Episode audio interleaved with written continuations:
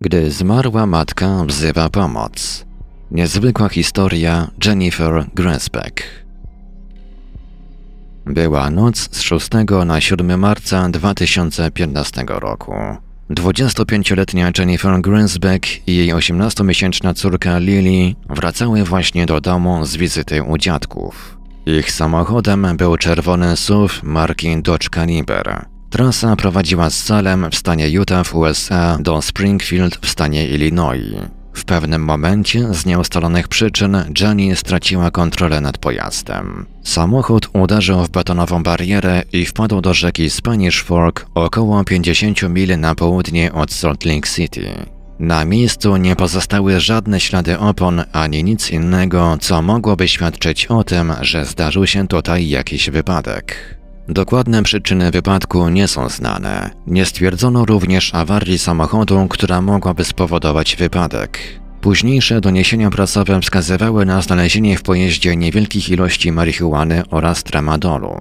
Również w organizmie Jennifer znaleziono pewne ilości środków odurzających. Podejrzewano, że do wypadku mogły się przyczynić uboczne efekty działania leku przeciwbólowego. Bezpośrednią przyczyną śmierci kobiety był silny uraz głowy. Dopiero 14 godzin później, około południa, samochód leżący do góry kołami w rzece zauważyli przebywający nieopodal rybacy.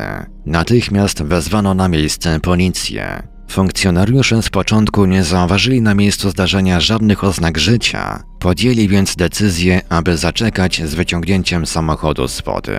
Gdy jednak zbliżyli się do rzeki, stało się coś dziwnego. Funkcjonariusze usłyszeli bowiem wyraźnie dobiegający z tamtego kierunku głos wołający o pomoc. Tyler Beddoes, jeden z funkcjonariuszy uczestniczących w akcji, twierdził później, że wyraźnie usłyszał głos jakiejś kobiety wołający pomocy, jesteśmy tutaj. Cytat. Dwie noce zastanawiałem się, co to mogło być. Wiem tylko, że ten głos tam był. Wszyscy to słyszeliśmy, mówił Beddoes. Jeden z jego kolegów, który prawdopodobnie również usłyszał wołanie, natychmiast odpowiedział: Staramy się dotrzeć na miejsce najszybciej, jak to tylko możliwe. Według doniesień prasowych wołanie o pomoc słyszało również wiele innych przebywających wówczas w tym miejscu ludzi.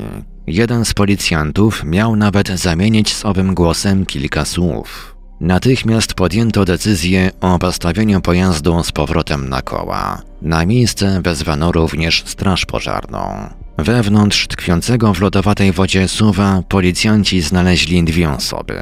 Matka z całą pewnością już nie żyła. Funkcjonariusze obawiali się również, że to samo spotkało towarzyszące jej dziecko. Okazało się jednak, że mała Lili żyje. I to mimo silnego wyziębienia i pozostawania w pozycji do góry nogami przez kilkanaście godzin. Głowa dziecka pozostawała ponad poziomem wody dzięki solidnie przypiętemu dziecięcemu fotelikowi.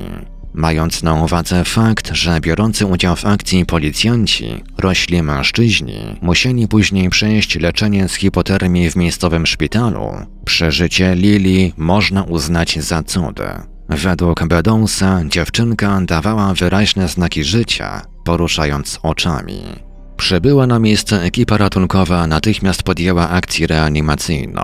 Następnie małą Lili przewieziono karetką do szpitala. Początkowo podejrzewano, że silne wychłodzenie organizmu oraz przebywanie przez kilkanaście godzin w pozycji do góry nogami mogły spowodować nieodwracalne zmiany w mózgu.